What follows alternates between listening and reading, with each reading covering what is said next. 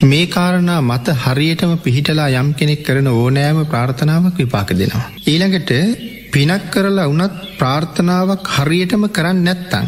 ඒ පින හැම වෙලාම ක්‍රියාත්මකයි කියලා බුදුරජාණන් වහන්සේවත් දේශන කරන්නේ නෑ. ප්‍රාර්ථනාව කියනෙක් හරියටම සම්පූර්ණ කරන්න ඕනේ. තැ මේ ප්‍රාර්ථනාව කියන කාරණාව ගැන සඳහන් කරනකොටත් සමාජයේ විධ මත තියෙනවා පින්කං කරලා ප්‍රාර්ථනා කරන්න හොඳ නෑ කියලා. එතන තන්හාාවක් තියෙනවා එක නිවනට බාධාවක් කියලා.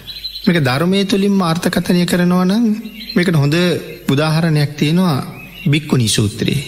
උදාහරණයක් පැදිල් කරන්න පුළුවන් මොද අපි හැබෑවටම බෞද්ධයන් වෙච්ච අපි ගාව නිවන්දකින්ටත් තියෙන තන්හාාව ඒක කවරුහරි අපෙන් ඇහුව තෝගොල්ලු ගාව මේ පින්කං කර කර තියෙන්නේ තන්හාාවක් නේද කියලා ඕ කියන්න ඕනේ නිවන්දකින්ට තියනෙත් තන්හාාවක් සංසාරය සැපලබන්ඩ තියනෙත් තන්හාාව. හැබැයි තන්හාාව නැතිකරන එකන නිවන කියල කියන්නේ.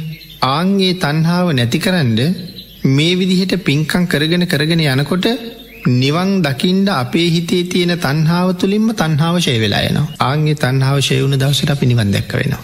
එම නැත්තන්ගේ මෙතැන් තන්හාාව කියලකිවි ආසාාව පින්කං කරන්න අපිට ආසාාවක් තියෙන සසර සැප ලබන්ඩ. අපි හැමෝම සසර සැප ලබන්ඩ කැමති කවිවාදයෙන්ම අපි හැමෝම පිළිගන්නවා.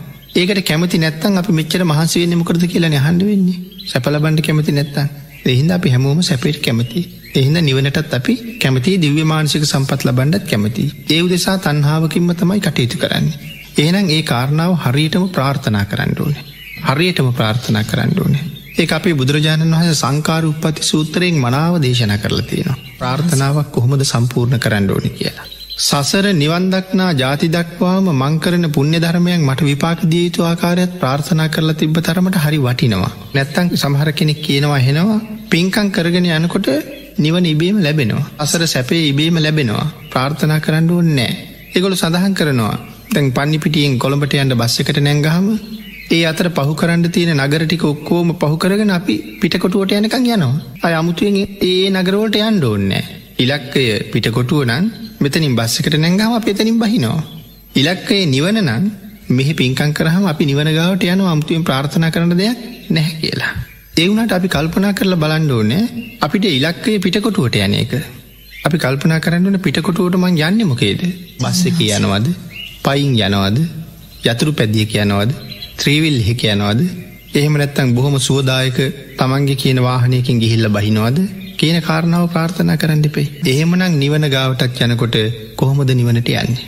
සැප සහිත ප්‍රතිපදාවකින්. දුක් සහිත ප්‍රතිපදාවෙන් නෙමෙයි නිවන් දක්නා ජාති දක්වාම සැප සහිත ප්‍රතිපදාවකින් එතින්ට යන්න ප්‍රාර්ථනා කරන්න ඕනේ. කල්්‍යයාන මිත්‍රයන් ලබන්නෙම්වා කල්්‍යයාන මිත්‍රයන්ගේ විශේෂ අනුකම්පාව ලබන්නෙම්වා නිර්මල පර්යාප්ති ආසන්ට ලැබේවා එකැනි නිර්මල පර්යාප්තිකී භාග්‍යතුන් වහන්සේගේ ධර්මය මහන්ඩ ලැබෙන්ඩෝන්. නිර්මල පර්යාප්තිය දරන්නෙම්වා. මං කවදාවත් මිත්‍යා දෘෂ්ටිය පැත්තේ වාඩි වෙන්නේ කවුරු ඒහෙ වුනත් මං නිර්මල ධර්මයම අහනවා මං නිර්මල ධර්මයම දරනවා. ඒ තුළින් මම නිවනට යනවා. එහෙම නැ ප්‍රාර්ථනා කරලා තිබුණේ නැත්තං කාලෙක අපිටත් මිත්‍යා දෘෂ්ටිය පැත්තේ වාඩිවෙඩ වෙනවා. මිත්‍යා දෘෂ්ටිය හරි කියල පිළිගණ්ඩ සිද්ධ වෙනවා. එනක් සසර තාම එහෙම අවාසනාවන්ත තත්ත්වයකට ගිය නැත්තේ අපි සංසාරෙත් එහෙම ප්‍රාර්ථනා කරන්න ඇති.